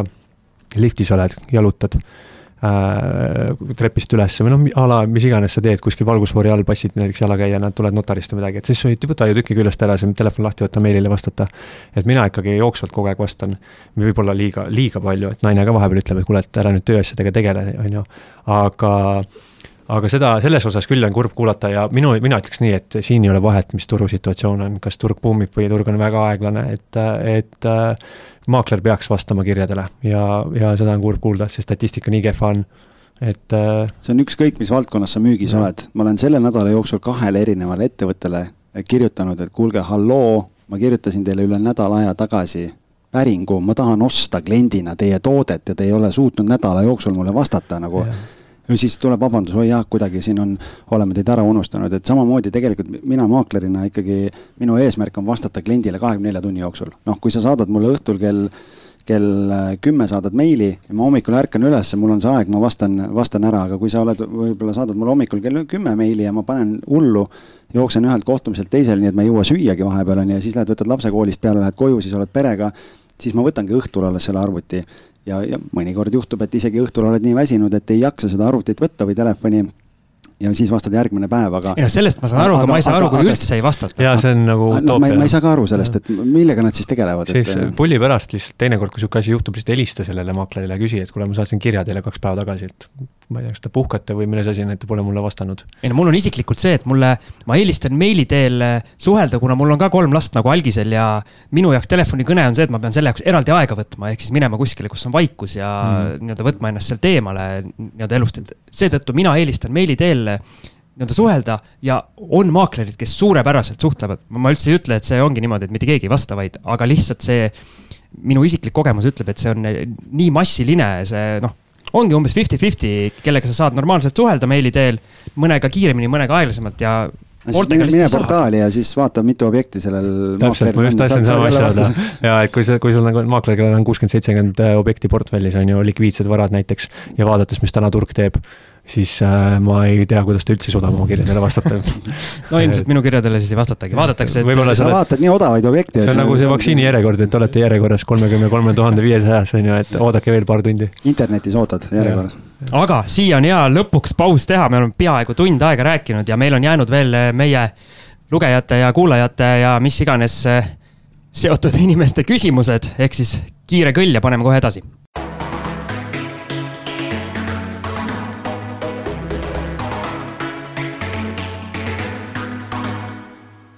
ja oleme tagasi, vahekõll kiirelt kuulatud ja nüüd siis meie Facebooki grupis hõikasime välja, et maakleritest saade tuleb ja siin lugejad on küsimusi esitanud ja alustame kohe Sandri küsimusega, et suuremal osal maakleritest on mingi müstiline salajane investoritest koosnev kliendibaas ja seetõttu tasub nende sõnul kindlasti just nendega koostööd teha. kuidas kommenteerite sellist väidet? nägin seda küsimust. ja äh, Sandrile vastus, et äh, on küll, et äh, meil, vaata, tuleb mõelda seda, et kui noh, toome näite lihtsalt, lihtsalt nagu neid näiteid kindlasti on palju aga kui sul on äh, aktiivne kinnisvarabüroo, kus on kümme tegutsevat maaklerit, siis äh, mida Eestis vähem tuntakse, mis väljaspool, kusjuures on täiesti tavaline, on see, et maaklerit ei ole ainult müügibaas ja üüribaas, vaid neil ka ostukliendi baas. mingid investorid, kes kogu aeg otsivad midagi. et äh, äh, võib juhtuda, kuna meie hinnastame uusi asju mitu korda nädalas, siis äh, näiteks minul võib olla parasjagu portfellis või minu kolleegil võib olla portfellis klient, kes otsib just täpselt sellist asja nii et, äh, et see kliendibaas on olemas ja, ja usu või ära usu, aga kõige magusamad, paremad objektid vahetavad objekte nii, et nad turule ei jõua. et seal on just täpselt, minul on just selline klient, kes pangas on käinud või siis oma finantseeringuga klient ja, ja täpselt sellist asja otsib ja me viimegi need otsad omavahel kokku siin on hästi oluline, me oleme Siim seda kuskil varem saates rääkinud ka, et tegelikult on nagu see, et äh, ma arvan, et et ma ei eksi, kui Sander mõtleb nagu neid Äh, maaklerid, kes helistavad, ütlevad, et ma tahan tulla objekti vaatama, et mul on siin mingid investorid, kellega ma töötan, ja siis ta tuleb kohale, siis ta tahab lepingut teha, siis ta ütleb, ma enne ei saa oma kliendile pakkuda, kui ma, ma olen ainuesinduse saanud selle objektiga. vaata, mm. see on nagu see asi, et äh, kui maakler töötab investoriga, siis reeglina on selle investoriga kokku lepitud, kuidas käib selle töö tasustamine, sellepärast et seal on päris palju jooksmist ja tühja tööd, sellepärast et leida seda sobivat objekti üldse. Ja seal on siis nii-öelda sõltuvalt investorist on kokku lepitud, et kui, kui omanik on nõus vahendustasu jagama, siis, siis on korras, aga kui omanik ei ole nõus, siis, siis äh, investor teab, et ta omast taskust maksab äh, nii-öelda mingi, mingi protsendi sellest tehingust, ta nagunii maksab, sellepärast et lõpuks see kogu tehingu summa on, on tema oma ja tegelikult professionaalsed maaklerid töötavad niimoodi, et sul ongi kliendiga leping, kus on kokku lepitud see, need tingimused et äh, kuidas need tehingud tasustatud saavad ja siis sa töötadki selle investori huvides ju, et leida talle võimalikult head objektid ja minna all in, et kaubelda nii hea diil välja kui võimalik mm. -hmm. ja, aga jah, jah, ma kiirelt lihtsalt tahtsin lisada, et jah, et, äh, et äh, see kliendibaas eksisteerib ja nüüd ongi, tulebki eristada, et kas see inimene ma või maakler, kes sulle helistab, kui sa isi, tavakasutajana müüd, kas ta räägib, et tal on mingi ostuklient, et lihtsalt selleks, et saada jalga ukse vahele või, või tal on päriselt klienti. et need, kellel on päriselt klienti, need saavad juba telefonis sinuga tingimustes läbi rääkida. järgmine küsimus Sandrilt on, on ka väga huvitav, siit ootan lühidalt vastust, kas jah või ei kas Tallinnas on võimalik heal maakleril teha efektiivselt oma tööd, kasutades ainult ühistransporti? Ei ole. ma ei, ei nõustu ka sellega. ma tean, et seda on palju ja meil on, äh, kusjuures meil on tehtud ja äh, tehakse. Uusmaas on üks äh, väga edukas naismaakler, kes, üks äripindades ja üks elamispindades, kes sõidavad ühistranspordiga, ehk siis mitte, me ei pea siin silmas, ma ütleks, võib-olla ütleks niimoodi, et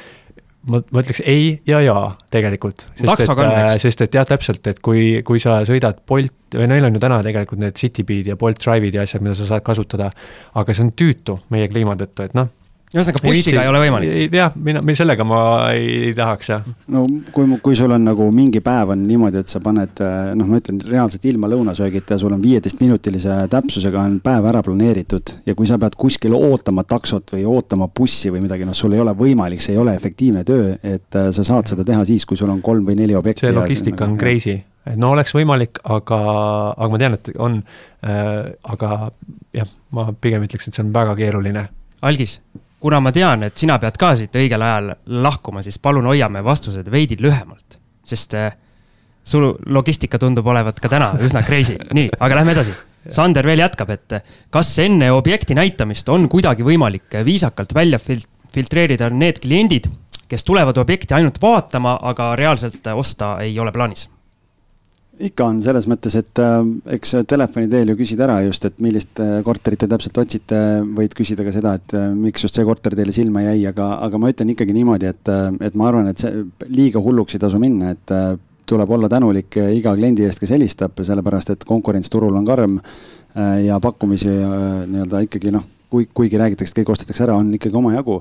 et siis koha peal tegelikult selgitatakse need asjad välja ja, ja mõni klient võib-olla teatud mõttes tulebki, on neid kalastajaid on, on küll palju ja ma saan aru mõnest kliendist, et kui sa pead kodu korda tegema ja ära minema ja maakler tuleb klientidega ja kõik need asjad ja siis ei ole tulemust, ei ole tulemust, ei ole tulemust, et tegelikult nagu ähm, me ju ei tea, milline klient koha peale tuleb ja sa koha peal selgitad välja, kas see vastab tema vajadustele või mitte, et ega sa eeltööga, kui ära filtreerida, ütled, et tead, Martin, ära sina tule, sellepärast et noh, see korter raudselt sul ei ole ma väga palju selliseid case'e nagu ei mäleta. ja, ja ma jäin ka täitsa mõtlema praegu, et näiteks kui mulle helistab klient, kes tahaks tulla mingit objekti vaatama ja siis ma ütlen talle, et ei, ei, see ei sobi sulle, et noh, ise ma saboteerin oma müüki, on ju. et eks, eks ikka on mingeid küsimusi küsida, et kas ta vaatab koduks või investeeringuks, kas ta peab enne midagi müüma või ta saab kohe sobivuse korral tehingusse minna või hindamisakti tellida aga, aga noh, mingeid selliseid küsimusi ma ikkagi, mina ka küsin, aga mitte nagu liiga detailselt ka Ees,, eesmärk peaks olema ikkagi ju näidata objekti ka kliendile, et et selliseid Windows shop ijaid on tegelikult, see turg on meie, meie turul minu hinnangul vähem. Äh, jällegi võib-olla hästi kiire näide, et mul oli üks maja, mida ma Kristiines müüsin ja Äh, see oli siis, kui ma veel olin äh, Remaxis, kus ma alustasin, siis äh, millegi tõttu City kahekümne nelja päringud läksid vahepeal mul junk'i nagu rämpsposti. ja siis mul läks selle maja üks päring rämpsposti, ma helistasin oma sellele kliendile mingi viis päeva hiljem tagasi. muidugi vabandasin, on ju, et, et see kiri oli sinna, sinna läinud. ja siis ta ütles mulle telefoni teel, et ma tahaks, kas see maja on saadaval. ma tahaks seda maja vaatama tulla. ta oli noh, tollel hetkel noh, keskmisest kallim maja ja ja ütles, et noh, et ma suure tõenäosusega huviline, nii suur huviline ei ole, et ma tegelikult äh, tahaks uuemat asja, et see oli kaks tuhat kaks aasta funkstiilis äge maja. ja, ja võib-olla isegi tahaks, ma olen kinnistu, isegi kalli kinnistu Kakumäele ostnud, et ma tahaksin äh, maja, oma maja ehitada. Tuli kohale võttis leti hinnaga ära, ilma pangata, kakskümmend kaheksa päeva hiljem oli tehing. ehk siis noh, mõtlen nüüd seda, et kui ma oleksin sellele huvilisele öelnud, kui ta oleks mulle öelnud, et ei, ma ei tea, kas ma üldse olen huvitatud, et mul tegelikult otsin uuemat asja, ma oleks öelnud, no siis jah, see ei ole teie jaoks, on ju, nägemist. mul ei ole siin aega teie jaoks, et noh, et. täpselt, ma oleksin, oleksin talle öelnud, noh, viisakalt, et praakinud ta välja, on ju, nende aluste alusel, aga ei, tule vaata üle ja luuavarrest võib ka pauku tulla, on ju ja oluline täiendus veel siia, et tegelikult on see, et kui ta tuleb kohale ja talle see korter ei sobi, aga sul on mingi teine samasugune korter või sarnane, siis sa saad talle ju kohe pakkuda seda, et aga võib-olla see teine objekt või kolleegi oma, on ju. jah, sest sa tahad ju aidata seda klienti samamoodi. jah ja Martin siin äh, nii-öelda juba väitis, et osad tehingud, kõige magusamad tehakse üldsegi nii-öelda leti alt, et äh, ja siis Katrin küsis ka meil äh, Facebooki grupis, et kui suur osa tehingutest ongi nii-öelda maaklerite poolt vahendatud, kus üldse kuulutust portaalidesse üles ei lähegi ma ei oska niimoodi, me oleme üks suur kaubamärk Uusmaa, on ju, aga meil on Tallinnas kümme kontorit, et ma seda hingeelu kõikide kontorite kohta ei, ei oska kommenteerida peale tabelite, mis ma näen, on ju, müügitabelite ja, ja Facebooki postitused, et olen notaris ja kui nad seal kirjeldavad seda, kuidas tehing toimus. aga ma ütleks, et see osakaal, raske on öelda protsentuaalselt, kuidas ta, kuidas ta täpselt on, aga ma ütleks, et, et viiest üks, arvestades tänast turgu sest et täna minu poole ka pöörduvad ikka päris paljud äh, ostjad, kirjutavad mulle, noh, kuna ma olen ostukliente päris palju teenindanud oma karjääri jooksul ka, et siis soovitatakse ja inimesed kirjutavad ja üleüldiselt kirjutavad, et kuule, et täna üleüldiselt on, äh, on niimoodi, et inimesed on natukene nagu kohati meeleheitel, mulle tundub, et helistavad, et kas see korter on juba broneeritud, kui ma alles pool tundi tagasi panin selle ülesse. no aga tuleb ülesse kuulutusi, mis pannaksegi ülesse, minu meelest kuulutusi pannakse kohe ka nii-öelda bronn peale, et meil, ma, ma ei saa sellest aru. ja noh, selles mõttes ongi, et see tuleb vaadata, et mis objektiga täpselt tegu on, et äh, et jah, neid tehinguid leti alt ikkagi toimub ja, ja igal juhul üks, nagu see ütlus on, et üks hea maakler, hea advokaat ja hea arst tuleb alati külje all endal hoida. et äh, siis sa saad nende kõige magusamad diilid endale. Aga siis järgmine selline, ütleme, see ei ole küsimus, ma loen selle Raido kommentaari kiirelt ette ja siis saate lihtsalt noogutada, et Raidol selline kogemus et väidab, et kui just ei müü eh, mingit tüüpkorterit, siis ei tasuks ilmtingimata eelistada väiksemat vahend-, vahendusprotsenti küsivat maaklerit, sellest me siin rääkisime ka täna. kuna nende kompetents ja suhtlusoskused ei pruugi ka seda odavamat hinda väärt olla. lisaks, kui olete end juba lepinguga, lepinguga selle odavama maakleriga sidunud ja maakler on ka juba tööd teinud, siis poolel teel hobust vahetada ei saa enam tasuta. see vist ongi nii, et lepingus on kirjas mingid reklaamitasud või kuidas iganes need erinevad bürood nimetavad, sellepärast et sa oled ju mingid kulud võtnud selle asjaga seoses ja su aeg ja kõik maksavad, et siis ikkagi päris nii ei ole, et paned prostituuti, et üks päev võtad algise, kolme päeva pärast lähed võtad Martini ja siis lähed võtad, võtad Siimu on ju, et noh, et, et kuidagi peab nagu ikkagi ja, nagu. tippmaaklerid nii ei tööta ja, et me ei taha võtta endale suuri kulusid, kui ma tean, et et ma siin noh, täpselt see bikiinivoorust rääkides, et noh, on vahel paned mingi kuulu-, objekti aadressi otsingusse ja sul on see sadasama kuulutust, viis tükki, kõik kuulutavad, on ju, et noh, selle maaklerite, nende maaklerite huvi ei ole ju klienti teenindada, vaid, vaid et saaks ruttu oma tasu kätte ja siis Raidol on selline kogemus maakleriga, kes äh, väitis, et Mustamäe kahetoalises korteris radikas voolab kütteks bensiin no,. et äh, Raido, Raido ilmselt oli müüja poolel, et äh, ütles, et ilma omaniku juuresolekuta poleks ta sellest korterist midagi asjalikku teada saanud. ei, ostja poole peal ikka oli. tähendab, ostja poole peal, jah. nojah, ma, pigem on küsimus, et mida see maakler nuusutanud oli või, või, või joonud enne seda näitamist, et et võib-olla ise bensiini nuustamas käinud. või seda, selles mõttes ma ei oska kommenteerida, et äh, ma ei tea, kas seda nüüd liigitada varjatud puuduste alla ka või kuidas seda öelda, et kuidas sa nagu ütled oma kliendile, et kuule, et siin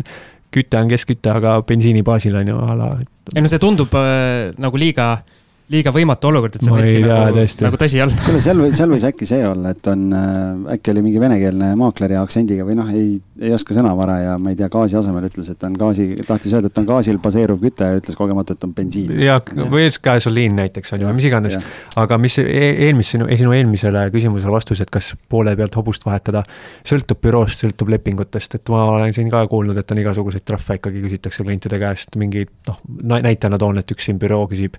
kui klient peaks äh, loobuma lepingust a la siis nelikümmend euri tehtud, tehtud tegevustes nelikümmend euri tund. nüüd on see küsimus, et kuidas sa tõestad, mida su tehtud tegevused olid, et, äh, et äh, selliseid košmaari lugusid oleme kuulnud meie ka, aga aga ma olen nõus jaa, et in the end, vahepeal panen siin eesti-inglise keelt segu, on ju, aga päeva lõpuks on tegelikult selle vahendustasu kohta, ma ütleks, et you get what you pay for ja tegelikult on see, et ja see on jälle üks asi, mille järgi maaklerit valida, et kui sul on nii jäik leping, et sul on see, et no ükskõik mis põhjusel sa tahad omanikuna lepingu ära lõpetada, aga sa pead maksma maakleri tasu, siis sellisel lepingul ei tohi alla kirjutada, sellepärast et lepingust taganemise võimalus peab alati olema. küsimus on, millised on need mõistlikel tingimustel jah, et äh, eks ikka selles mõttes, äh, kui, kui, kui maakler lubab sulle ühte ja ei tee seda, et noh, ikka peaks saama ju lepingust äh, taganeda, et sa saad öelda seda, et me, mina olen sinu käsundandja ja sa ei ole neid asju teinud, et mul ei ole sind vaja, et mul on, sõber ütles, et on hoopis palju parem maakler, kes kõiki neid asju teeb. ehk siis noh, seda vahetamist ikkagi toimub turul ja ka minu poole on ikkagi kliendid pöörd-, pöördunud, kellel on olnud vahepeal, vahel kaks või kolm maaklerit on üritanud müüa ja ei saa oma tööga hakkama. nii, ja siis Kaisal on selline, selline küsimus, mis palju nii-öelda omanikest müüjaid eh, ikkagi, ma ei tea, kas kurjaks või kurvaks teeb, et eh, lisades portaali korteri müügikuulutuse, kus on kirjas, et äh, ei soovita maakleri teenust kasutada, isegi caps lock'is on Kaisa selle pannud, siis tuleb vähemalt äh, kümme kõnet päevas esimesel nädalal maakleritelt, kes soovivad seda objekti aidata müüa et siis Kaisa küsib, et kas maaklerid loevad selle kuulutuse lõpuni ja, ja kas nad üldse vaatavad seda kirja, et ei soovi maakleri teenust kasutada või ikkagi neid külmi kõnesid peab tegema maaklerite poolt ja neid tehakse ja nii edasi. Ja siis oli Kaisal ka selline vahva juhus, tegin neid jutumärke juurde, et, et telefonis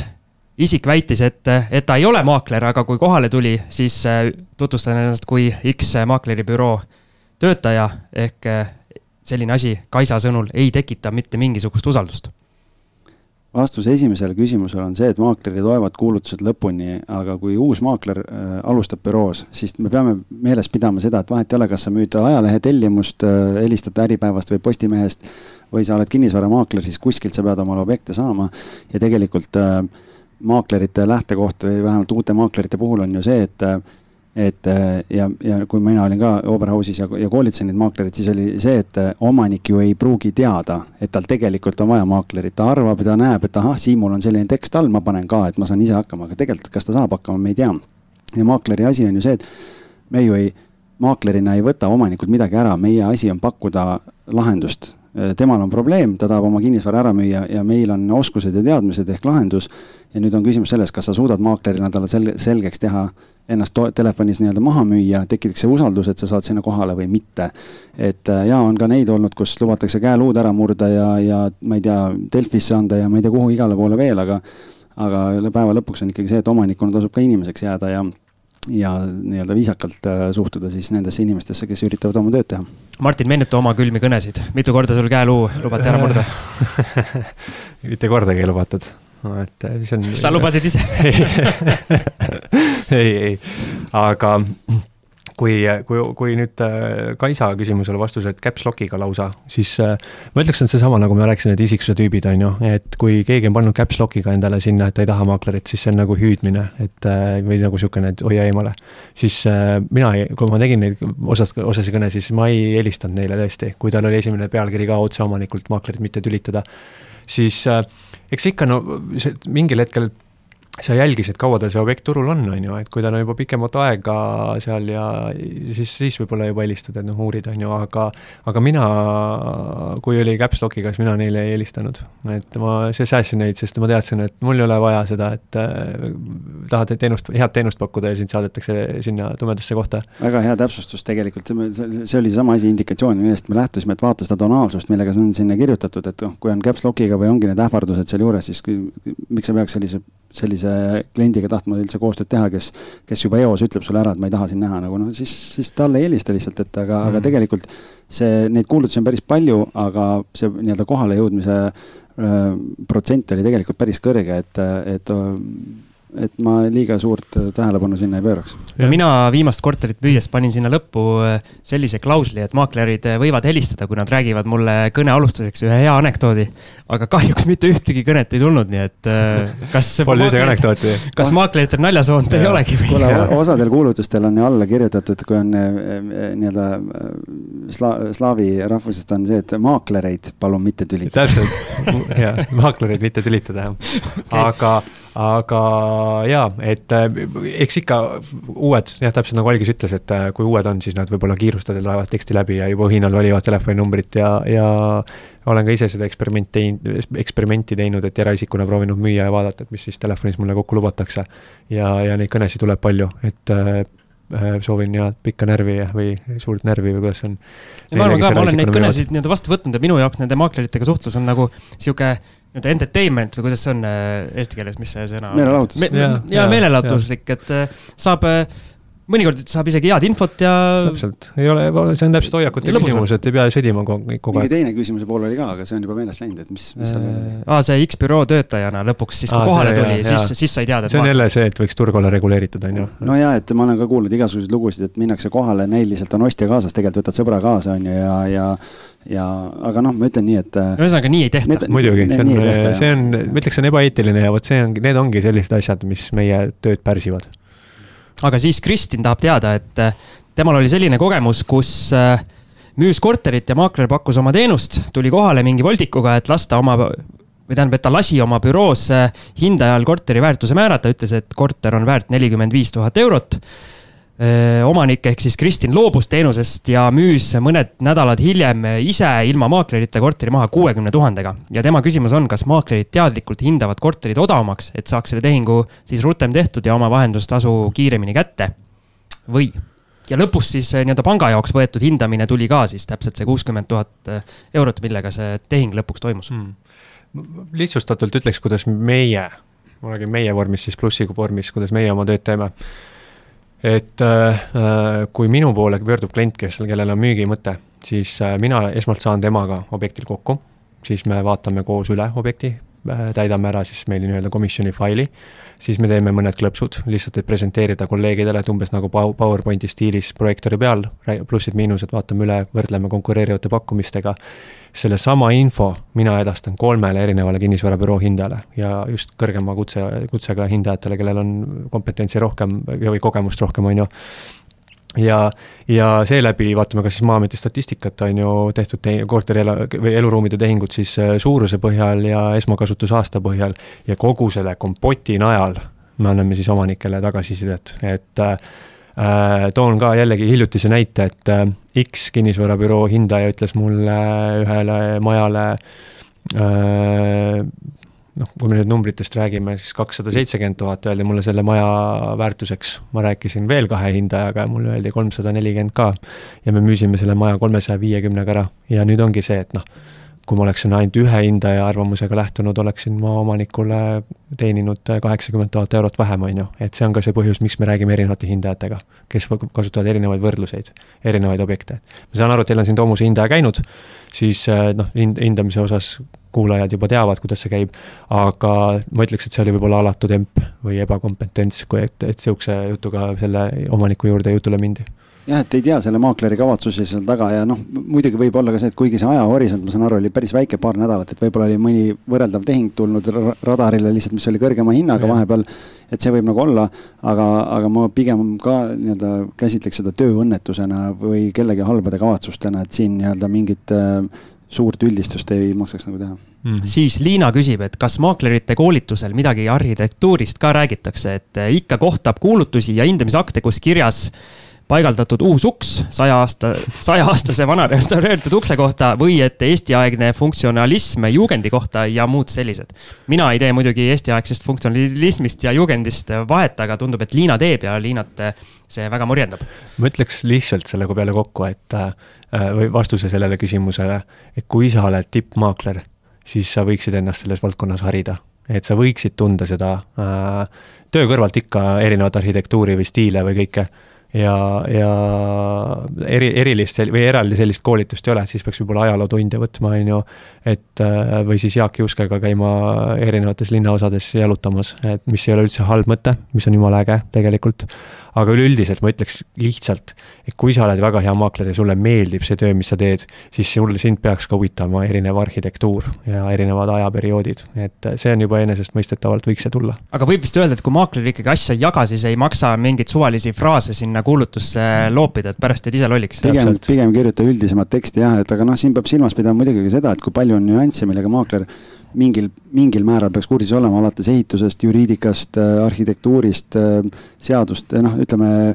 turundusest, kõikidest nendest asjadest, et sa ei saa igas asjas nii detaili minna, et igal maakleril on ka oma taust ja omad nii-öelda tugevused. et sõltub jah, et kui palju keegi seal jõuab ennast kurssi viia mingite teemadega. aga nüüd lõpetuseks siia minu väga selline põletav küsimus kuna mina investorina nii-öelda turul tegutsen, siis mind ülimalt häirib, kui suurte punaste tähtedega sinna kuulutuse alla on kirjutatud, et väga hea investeering. maakler müüb, ütleb väga hea investeering ja rohkem kuulutuse tekstis mitte midagi seda nii-öelda puudutatud ei ole. minu soov maakleri käest küsida on, aga kelle jaoks see hea investeering on või miks see hea investeering on? miks äh, selliseid asju kirjutatakse?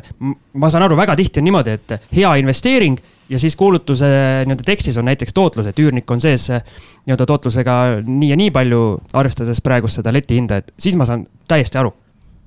aga kui mitte mingit selgitust ei ole, iga korter ei ole hea investeering vaatan, töötades ise investoritega ja ma tean neid kuulutusi, noh, millest sa räägid, et siis tegelikult mulle täna tundub lihtsalt, et pannakse võrdusmärk nii-öelda renoveerimist vajava korterile ja investeeringule. et ükskõik, mhm. mis hinnaga see üleval on, siis justkui tundub nagu ja, investeering. Saad, saad raha investeerida sinna sisse, aga noh, küsimus ongi selles, et kas see on nagu rentaabel või ei ole, et seda enamus maaklerid tõenäoliselt ei oska hinnata ja, ja lihtsalt arvavad, et noh, et kuna siin on potentsiaali, sest sa saad ise teha, et siis see kohe on hea investeering, et ma arvan, et see on jälle natukene läheb selle eelmise punktiga nii-öelda kahasse, et, et kui ei tea, siis võib-olla ei maksaks kirjutada, et, et hoia neutraalsemat joont. jah, ja, ja, ja eks olegi, et, et mida sa investeeringuna võtad, et kas sa võtad lihtsalt seda, mis sul, mitte mis protsent sul on, on ju, et sokli korrusel võib-olla sul jah, võib seal hea investeering olla just nagu tootluse mõttes, aga kas ta on ka hea investeering pärast maha müües, et, et mis, mida mina olen selle kolme aasta jooksul märganud, siis paljud maaklerid ise ainult vahendavad kinnisvaraga, nad ise ei toimeta kinnisvaraturul ja seeläbi nad kuulevad kuskil keegi midagi ütles või arvas ja siis nüüd lähevad ja võimendavad seda juttu, et see on nagu see telefonimäng, vaata, et see kümnes inimene, kes juba seda juttu räägib, on nii moonutatud info, et äh, paljud unustavad ära oma kapitali tootluse ka, äh, et kui keegi kirjutab hea investeering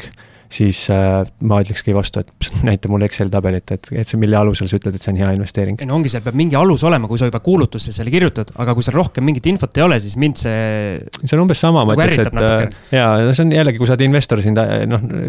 häiribki see, aga see on umbes sama, et sulle kirjutatud igale kuulutusele hea asukoht või suurepärane planeering, suurepärane planeering. hea planeering, et see on nagu sihuke stamp, vaata, et sa vaatad, et okei okay,, toorik nii-öelda korter, et siia saab ägeda asja teha, et selles mõttes ta on hea investeering, aga mingis mõttes ta ongi, aga oleneb, mis turufaasis me ka oleme. praegu turg, turul läheb väga hästi, turg on väga aktiivne, et äh, ka tooriku eest saab küsida päris head hinda, on ju, et noh, võib-olla ma ei ütleks, et ta lühiajaliselt hea investeering oleks ja see jutt on meil ülipikaks läinud, aga ma ikkagi lõppu tahan rääkida oma viimase, ühe viimase kogemuse maakleritest ja siis te saate sellest sellele oma kommentaari anda, et äh, oli selline olukord, läksin mina ühte korterit vaatama, mis on julgelt pool aastat kindlasti müügis olnud äh,. olen mina seda kuulutust näinud Läksin vaatama, meili teel äh, sain lõpuks äh, nii-öelda vaatamise aja. kohale minnes helistasin maaklerile, üks äh, selline õrn kena naishääl võttis vastu, ütles, et jah, et laske sealt fonolukust see ja see korteri number. Läksin mina fonoluku juurde, vajusin, vajutasin enda arvates õige numbri ja ülimalt karune sihuke meeshääl vastas jaa. Siis ma mõtlesin, et kas ma tõesti nüüd numbriga eksisin või nagu ehmatasin ära, ma ei osanud nagu midagi öelda, siis eh, niimoodi vaikselt piiksusin, ma tulin korterit vaatama ja. ja siis öeldi, jaa, tulge sisse ja siis, siis läksin, õige korter oli, kõik oli õige. ja tuli välja, et eh, maakler juba mitmendat kuud ei eh, viitsi käia korterit näitamas huvilistele nii-öelda ütlebki, et näed, et minge sinna kohale, see kell, laske sealt kella, omanik võtab teid vastu ja omanikule oli öelnud, et aga, aga sa ju oskad sellest korterist nagunii rohkem rääkida kui mina. ja minu küsimus on, et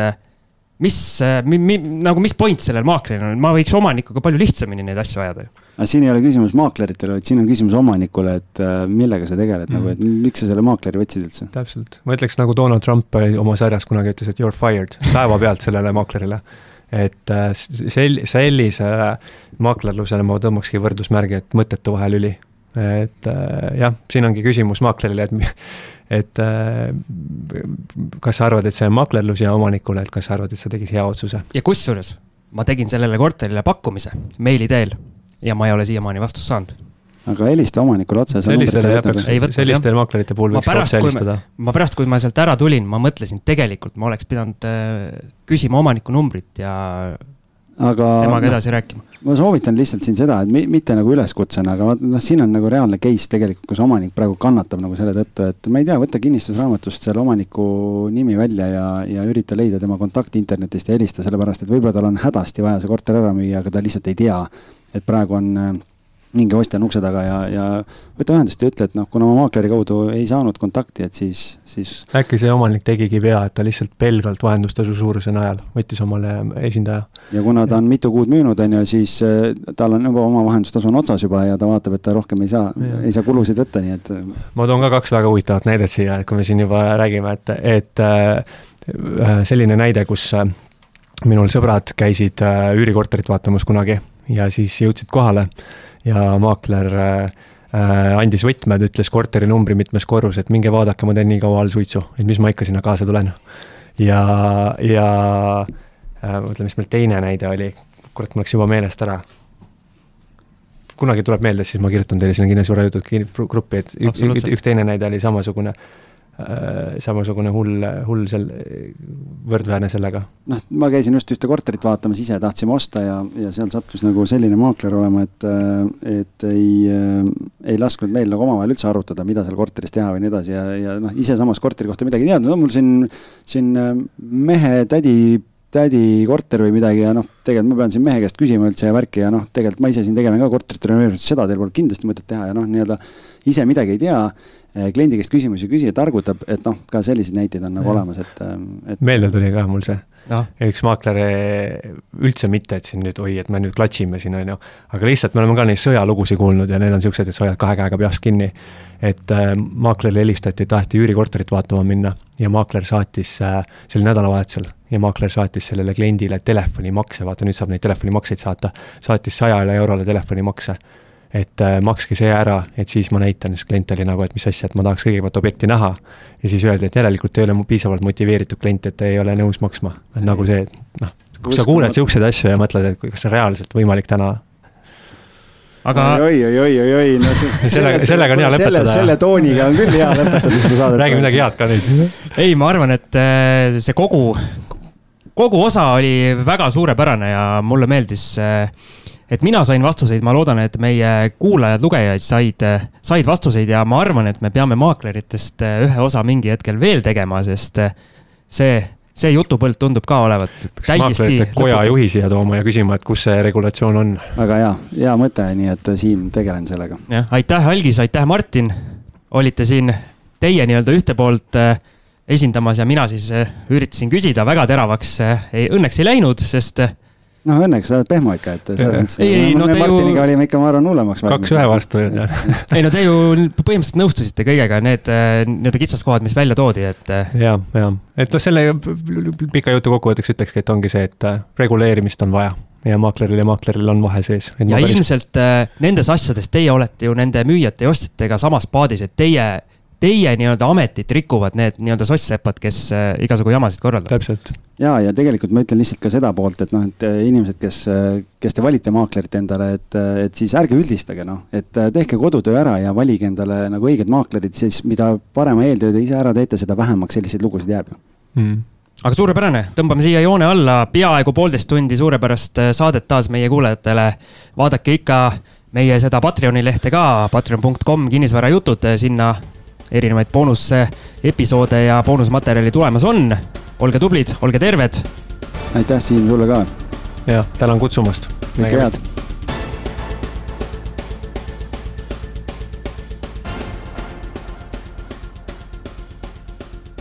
kinnisvara ostueelne kontroll aitab säästa aega ja raha. vaata lisa www.ehituskaitse.ee